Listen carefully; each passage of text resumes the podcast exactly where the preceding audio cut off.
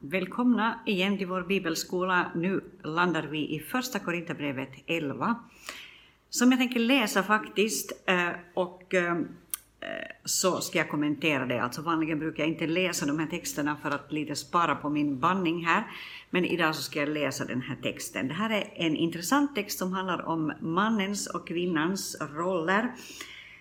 Det är en text som också handlar om nattvarden, och um, det är en viktig text. Um, därmed inte sagt att det inte skulle finnas andra viktiga texter i Bibeln. Uh, alla texter är viktiga på sitt sätt, men um, jag tycker att den här texten är, är utmanande på många sätt också. vi ska läsa den och så ska jag kommentera den. Paulus skriver så här, jag berömmer er för att ni tänker på mig i allt och håller fast vid den undervisning som jag har fört vidare till er.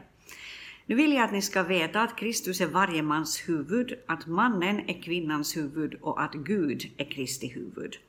Om en man ber eller profeterar med något på huvudet vanärar han sitt huvud.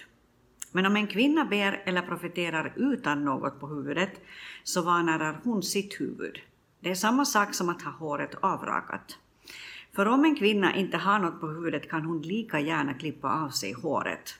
Men om det är en skam för en kvinna att klippa eller raka av sig håret så bör hon ha något på sitt huvud. En man bör inte ha något på huvudet eftersom han är Guds avbild och ära. Men kvinnan är mannens ära, för mannen kommer inte från kvinnan utan kvinnan från mannen. Och mannen skapades inte för kvinnan utan kvinnan för mannen. Därför bör kvinnan ha en makt på huvudet för änglarnas skull. Men i Herren är kvinnan inte oberoende av mannen eller mannen oberoende av kvinnan, för liksom kvinnan har kommit från mannen så blir också mannen till genom kvinnan, och allt kommer från Gud. Döm själva. Passar det sig att en kvinna ber till Gud utan att ha något på huvudet? Lär inte själva naturen er att det är en skam för en man att ha långt hår, men en, men en ära för en kvinna eftersom hon har fått håret som en slöja? Men om någon har lust att strida om detta har vi ingen sådan sed, inte heller Guds församlingar. När jag nu ger dessa föreskrifter berömmer jag er inte, för era sammankomster är mer till skada än till nytta. Först och främst hör jag att det förekommer splittring bland er när ni möts i församlingen och till viss del tror jag att det är så. Det måste finnas partier bland er för att visa vilka av er som är äkta. Men när ni samlas går det inte att fira Herrens måltid, för när ni äter tar var och en genast för sig av sin egen mat. Den ene är hungrig, den andra berusad. Har ni inte era hem där ni kan äta och dricka, eller föraktar ni Guds församling och förödmjukar dem som inget har? Vad ska jag säga till er? Ska jag berömma er? Nej, för det här kan jag inte berömma er. Jag har själv tagit emot från Herren vad jag fört vidare till er. Den natt då Herren Jesus blev förrådd tog han ett bröd, tackade Gud, bröt det och sade, detta är min kropp som blir utgiven för er. Gör detta för att minnas mig. På samma sätt tog han bägaren efter måltiden och sade, denna bägare är det nya förbundet i mitt blod. Så ofta ni dricker av den, gör det för att minnas mig. Så ofta ni äter detta bröd och dricker denna bägare förkunnar ni Herrens död till dess han kommer. Den som äter brödet eller dricker Herrens bägare på ett ovärdigt sätt syndar därför mot Herrens kropp och blod. Var och en ska pröva sig själv och så äta av brödet och dricka av bägaren. Den som äter och dricker utan att urskilja Herrens kropp, han äter och dricker en dom över sig. Därför finns det många svaga och sjuka bland er, och ganska många är insomnade. Om vi gick till rätta med oss själva skulle vi slippa att bli dömda. Men när vi döms fostras vi av Herren för att inte bli fördömda tillsammans med världen. Alltså, mina bröder, när ni samlas för att äta, så vänta på varandra. Om någon är hungrig ska han äta hemma, så att er sammankomst inte blir till en dom för er. Allt det andra ska jag ge föreskrifter om när jag kommer. All right. Hörrni, jag skulle vilja börja med ett citat av Martin Luther, eh, och eh, det är det här citatet som jag tror är ganska känt.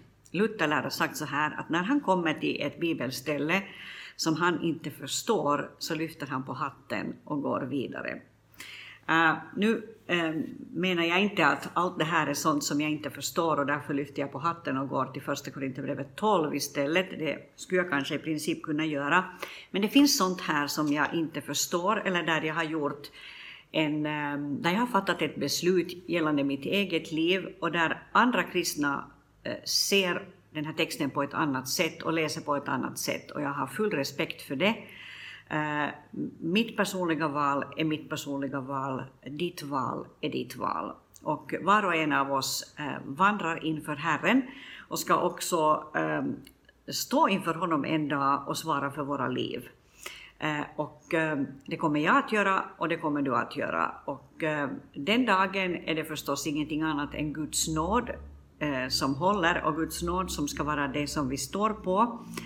Eh, och eh, den dagen så kommer jag åtminstone för min egen del att säga, eh, tror jag, eller det är åtminstone min plan, jag undrar hur mycket man säger sen i den situationen, men, men den dagen har jag tänkt mig att jag säger så här att jag fattade mina beslut angående min kallelse, eh, angående det jag uppfattade som Guds vilja för mitt liv, Eh, Eh, det fattade jag i stor ärlighet. Jag var inte ute efter att provocera, jag var inte ute efter att liksom demonstrera eller göra någon jotto av mitt liv, utan jag uppfattade ehm, min kallelse på ett visst sätt. Jag förstår att det kan finnas de som anser på basen av just den här texten, som vi just har läst, och också på basen av andra texter, Eh, eh, jag förstår att människor kan komma till den slutsatsen att en kvinna ska inte ha en viss roll i församlingen, till exempel på basen av det vi läste här just. Jag har respekt för den tanken, eh, men jag har fattat mitt beslut utifrån den kallelse jag har uppfattat. Om jag då har uppfattat den fel måste jag stå för det den dag jag står inför Herren, men jag tror inte att det är så. Men det är min enkla lilla tro. Eh, och jag tänker inte heller att det är Guds tanke att man ska gå igenom sitt liv och vara på något sätt osäker på sin kallelse hela tiden. Om man har fattat sitt beslut att det är på ett visst sätt och tror att man ska ge järnet och strunta i vad människor säger. Om man sen har fattat fel beslut eh, kommer den dagen inför Herren att korrigera det. Men det är en annan sak. Eh, så jag lever inte mitt liv med någon ursäkt och jag tror inte heller att du ska behöva leva ditt liv med någon ursäkt, utan det är tänkt att vi ska kunna ge järnet. Det här nu som en sån här allmän intro här, nu ska vi gå rakt in i texten. Paulus börjar med att säga att han berömmer korinterna, eh, han är glad över något i deras liv, han berömmer dem för att de håller fast vid hans undervisning. Och här är det ännu en gång eh, som han uttrycker sin uppskattning för dem eh, och sin glädje över dem, vilket jag har kommenterat tidigare. Eh, jag tänkte när jag läste det här att eh, vi också kunde ta med den här tanken som han uttrycker om korinterna i det fjärde kapitlet och den sextonde versen eh, där han säger så här om sitt förhållande till dem och sin relation till dem. Han säger så här att även om ni skulle ha tiotusentals uppfostrare i Kristus så har ni ändå inte många fäder. Det var jag som i Kristus födde er till liv genom evangeliet. Därför ber jag bli mina efterföljare. Eh, så Paulus ser sig som deras andlige far och eh, han ser dem som sina barn. Och eh, här så uttrycker han ännu en gång sin uppskattning för att de håller fast vid hans undervisning som andlig far. Och så kommer han då, från och med eh, vers 3 och framåt, så kommer han då till eh, ordningen i den kristna familjen. Han säger så här, att nu vill jag att ni ska veta att Kristus är varje mans huvud, mannen är kvinnans huvud och Gud är Kristi huvud. Eh, så han säger alltså att eh, för det första så är Jesus underordnad Fadern, alltså Gud är Kristi huvud. Eh, Jesus är underordnad Fadern och det här är ju någonting som vi ser genom evangelierna och speciellt då när korsfästelsen ligger framför Jesus, då är han noga med att poängtera att han inte är ute efter att göra sin vilja med sitt liv, utan Guds vilja, Faderns vilja med sitt liv. Eh, jag tänker på det som står till exempel i Matteus 26, vers 36-39, när Jesus eh, är i ett semane eh, och han börjar ana att nu Eh, börjar slutet på hans liv vara nära då uttrycker han sig så här. Här ser vi både hans, hans mänsklighet, hans längtan efter att komma undan i det här läget och samtidigt ser vi hans underordnande inför Fadern. Han säger så här, Eh, eller det står så här, sedan gick Jesus med dem, alltså med, med några av lärjungarna, till den plats som kallas Getsemane och han sa till lärjungarna, sätt er här medan jag går dit bort och ber. Han tog med sig Petrus och Sebedeus båda söner eh, och han greps av sorg och ångest och sa till dem, min själ är djupt bedrövad ända till döds, stanna här och vaka med mig. Han gick lite längre fram, föll ner på sitt ansikte och bad, min far, om det är möjligt så låt den här bägaren gå förbi mig, men inte som jag vill, utan som du vill. Lite senare säger han i vers 42, eh, han gick bort en andra gång eh, och bad min far om det, om den inte kan gå förbi mig, eh, utan jag måste dricka den, så sker din vilja. Så han talar alltså om detta att han helst skulle vilja slippa det som ligger framför honom. Det är hans mänskliga önskan. Men samtidigt säger han uttryckligen att han är underordnad Fadern, inte som jag vill, utan som du vill. Så när Paulus skriver här att Gud är Kristi huvud, då är det nog det här som han avser, att Kristus var underordnad och är underordnad Gud. Och så säger han att eh, på samma sätt så är eh, Kristus varje mans huvud och mannen är kvinnans huvud. Så i den kristna familjen så menar han att det är mannen som är kvinnans huvud, kvinnan är underordnad mannen eh, och samtidigt är mannen underordnad Kristus. Och det här är, skulle jag vilja säga så här enkelt uttryckt, det här är ingen sån här maktlära där, där det på något sätt ska etableras att kvinnan ska lyda mannen, punkt slut, och mannen ska lyda Gud, punkt slut. Alltså grunden i allt det här vi nu läser är det kärleksflöde som finns mellan Fadern och Sonen. Alltså den kärlek som strömmar från Gud till sin son Jesus Kristus, den kärlek som strömmar från Jesus till oss. Den kärlek som ska finnas i den kristna familjen. Jag tror personligen, ja, att, att det är kvinnans um, roll att vara underordnad mannen i den kristna familjen. Men det betyder inte blind lydnad om man har en man som är helt uppåt väggarna eh, eh när det gäller principer och när det gäller saker och ting som han står för, Eh, så menar jag inte att en kvinna ska liksom lyda in i det sista bara för att vara lydig Guds ord, utan det måste finnas någon slags någon slags sunt tänkande i det här också. Men som princip, ja, så är det så att vi underordnade varandra egentligen. Och det här är ju också någonting som Paulus skriver om i Efesierbrevet och, och den, den formen, eller formuleringen, förlåt, den formuleringen gillar jag också väldigt mycket. Det står i Efesierbrevet 5 eh, så här, eh, och vers 21 och framåt, under er, underordna er varandra i vördnad för Kristus. Jag tänker mig att i församlingen så handlar det inte heller om att församlingsmedlemmarna är underordnade pastorn, hon, hon, hon bestämmer så det bara sprättar om det liksom, utan vi är underordnade varandra. Ja, eh, församlingens ledning ska leda, pastorn ska leda, ja, eh, men det handlar inte om ett blint underordnande där, det liksom, där, där principen är viktigare än allt annat, utan underordna er varandra i vördnad för Kristus. Eh, ni hustrur underordna er era män så som ni underordnar er Herren. En man är nämligen sin hustrus huvud, liksom Kristus är församlingens huvud och själv frälsare för sin kropp. Så som församlingen underordnar sig Kristus, så ska kvinnorna i allt underordna sig sina män. Ni män, älska era hustrur så som Kristus har älskat församlingen och offrat sig för, dem, för den. Alltså, kärleken är den där röda tråden. Det är liksom A och O. Där det finns den här kärleken från Kristus, eh, där sker också det här underordnandet och den här respekten för varandra på ett naturligt sätt. Om den kärleken fattas så handlar det bara om blind lydnad och det är inte det som Paulus talar om här och det är inte det som Guds rike representeras av. All right. Um, då ska vi gå lite vidare här. Um, Paulus etablerar alltså den här principen att, att varje person har ett huvud, så att säga, inte bara det här fysiska huvudet. Att Kristus är mannens huvud och mannen är kvinnans huvud och Gud är Kristi huvud. Och det här kan då, menar vissa bibeltolkare, det här kan då handla om, om auktoritet, kanske också om att ha en representant. Um, Paulus säger inte så mycket här om, om auktoriteten hos den som är huvudet. Istället så tycks han vara fokuserad på hur var och en av oss eh, kan skapa skam hos, eller liksom skapa skam i den, eh, den, eh, i dens liv som är vårt andliga huvud, genom vad vi gör eh, med våra fysiska huvuden och vår fysiska appearance. Eh, när vi kommer samman för gudstjänst. Eh, och, och eh, han, han talar ju om håret här, jag ska komma till det om en liten stund här. Eh, jag vi bara säger som en intro när vi talar om sådana saker att ära och skam var viktiga bitar i den judiska och den romerska kulturen då.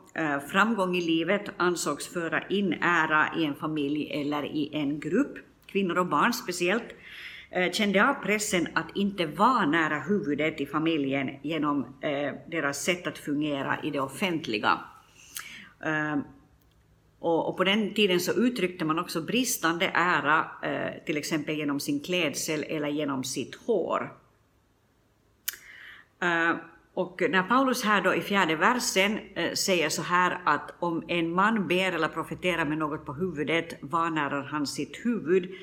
Eh, på grekiska står det där eh, så här katakefales ekon, det, det, det översätts till engelska till om man översätter det exakt från grekiskan, having down from the head, eller med huvudet täckt, med något på huvudet. Um, vissa menar då alltså att det här handlar om att eh, eh det handlar om långt hår. Um, andra menar att det handlar om romerska män i hedna gudstjänster. De drog då eh, alltså sina robes, eller sina vad ska man säga, de här klädesplaggen som de hade, drog de över huvudet inför hedna gudarna för att visa sin ödmjukhet. Uh, och uh, när man täcker huvudet uh, så, så bejakar man auktoritetsordningen. och, och det är kanske det som, som Paulus här är ute efter att beskriva. Han säger att, att en kvinna, om hon ber eller profeterar utan något på huvudet så vanärar hon sitt huvud det är samma som att ha håret avrakat. Eh, för att om hon inte har någonting på huvudet så kan hon lika gärna raka av håret här och, och, och så vidare. Eh, och um, Vissa menar, vissa troende menar att det här är sånt som fortfarande gäller, att en kvinna när hon kommer till en uh, gudstjänst så ska hon ha någonting på huvudet. Jag känner uh, troende kvinnor som fortfarande praktiserar det här. Eh, medan en stor del av kristenheten menar att det här var någonting som hör hemma i den kultur som Paulus här skriver till eh, och, eh, och, och talar med. Och här, här så får var och en av oss fatta vårt, vårt eget beslut hur vi, hur vi gör det här. Jag skulle personligen säga så här att för mig är själva liksom ordningsfrågan det avgörande, det som finns i mitt hjärta. För mig Eh, är, det avgörande när det gäller Guds rike, det här som jag ofta citerar från Ordspråksboken 4.23, framför allt som ska bevaras ska du bevara ditt hjärta, det vill säga din attityd, din hållning, till din, eh, och det gäller alltså din hållning gentemot Gud, men också din hållning gentemot din man, eh, eller, eller när det gäller auktoriteter. Vi är till för att visa auktoriteter vår respekt, ja, men inte till vilket pris som helst, inte liksom så att det leder till några dumma som jag skulle kalla dumma beslut.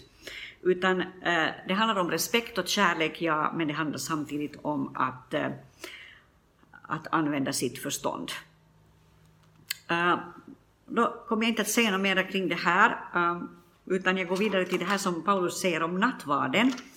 Eh, det framgår alldeles tydligt när Paulus kommer här till nattvarden att nattvarden och det som kallades för agape-måltiden var någonting som, som hölls samtidigt i urkyrkan. Eh, de här två måltiderna separerades någon gång mellan 100 efter Kristus och 250 efter Kristus.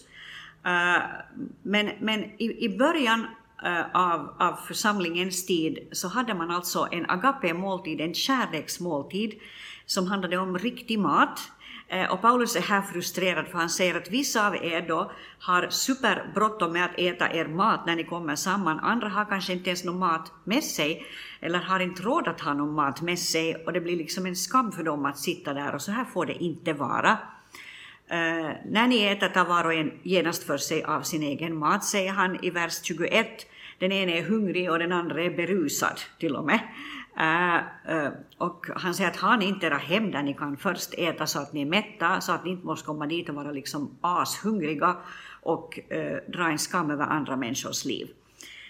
jag skulle bara säga ett kort ord om det här med agape-måltiden. Det är någonting som jag längtar efter själv. Jag, jag, tror på en församling som äter tillsammans. Jag tror att församlingen av idag har förlorat någonting när vi har förlorat agape-måltiden. Jag tror att vi behöver återinföra agape-måltiden. Om du vill be om någonting för den här församlingen där jag själv finns, så be om att vi kan etablera måltiden på nytt. Eh, inte bara för att att äta så att ingen behöver gå hungrig, även om det i sig är en viktig, viktig uh, sak.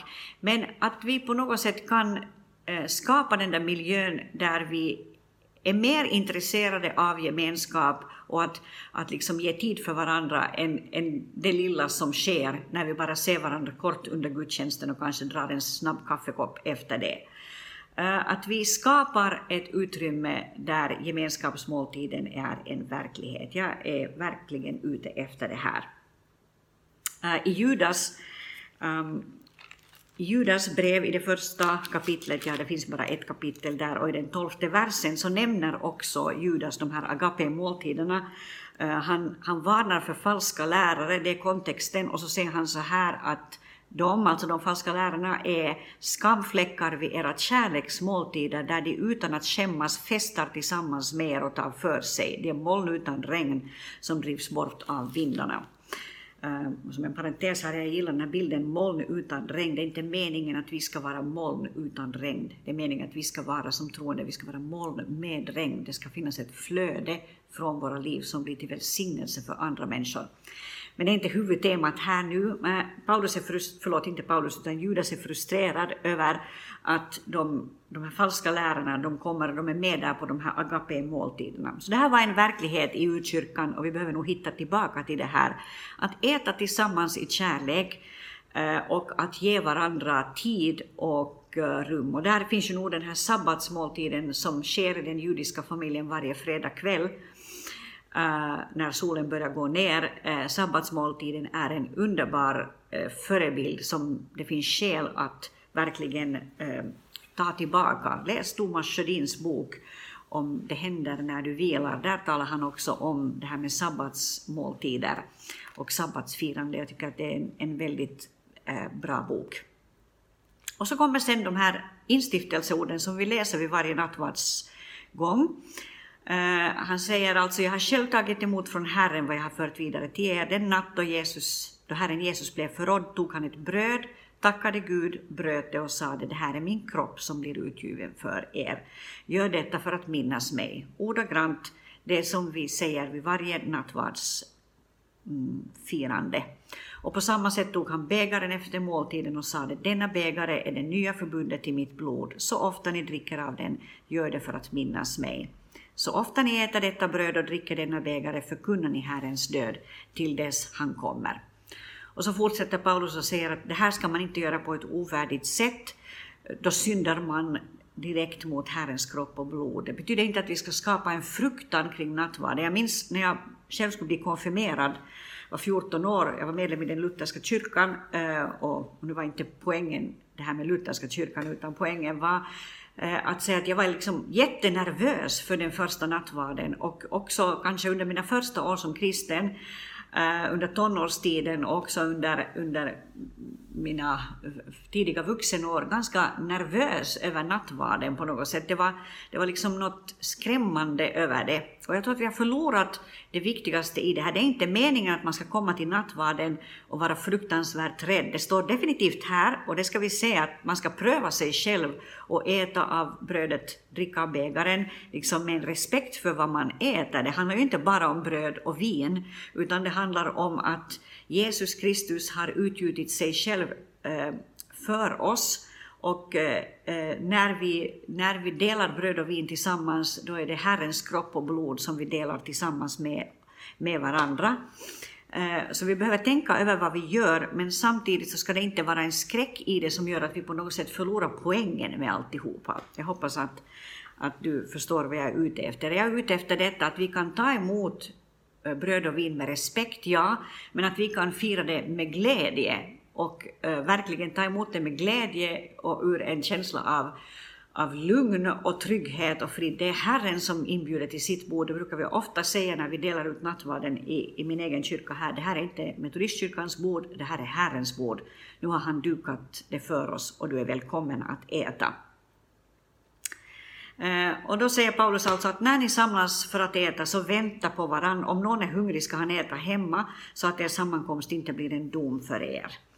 Eh, och eh, jag skulle säga så här att när vi samlas för att äta, låt oss ge utrymme åt varandra, låt oss vänta på varandra, ja, låt oss ge utrymme åt varandra, låt oss välsigna varandra, låt oss skapa fina stunder tillsammans, både vid nattvardsbordet men också vid kärleksmåltiden, agape-måltiden, så att vi verkligen får glädjas över det här att Jesus Kristus är mitt ibland oss. Han som så många gånger skapade bröd ur ingenting, som gjorde fem bröd och två fiskar eh, till en måltid som räckte Eh, eh, räckte till tusentals människor och som, som frågar sina lärjungar, har ni något att äta när han kommer till dem på stranden? Jesus har ett hjärta för detta att vi äter tillsammans och samtidigt ger han sig själv, eh, ger han sig själv till oss eh, när eh, vi delar bröd och vin i hans namn.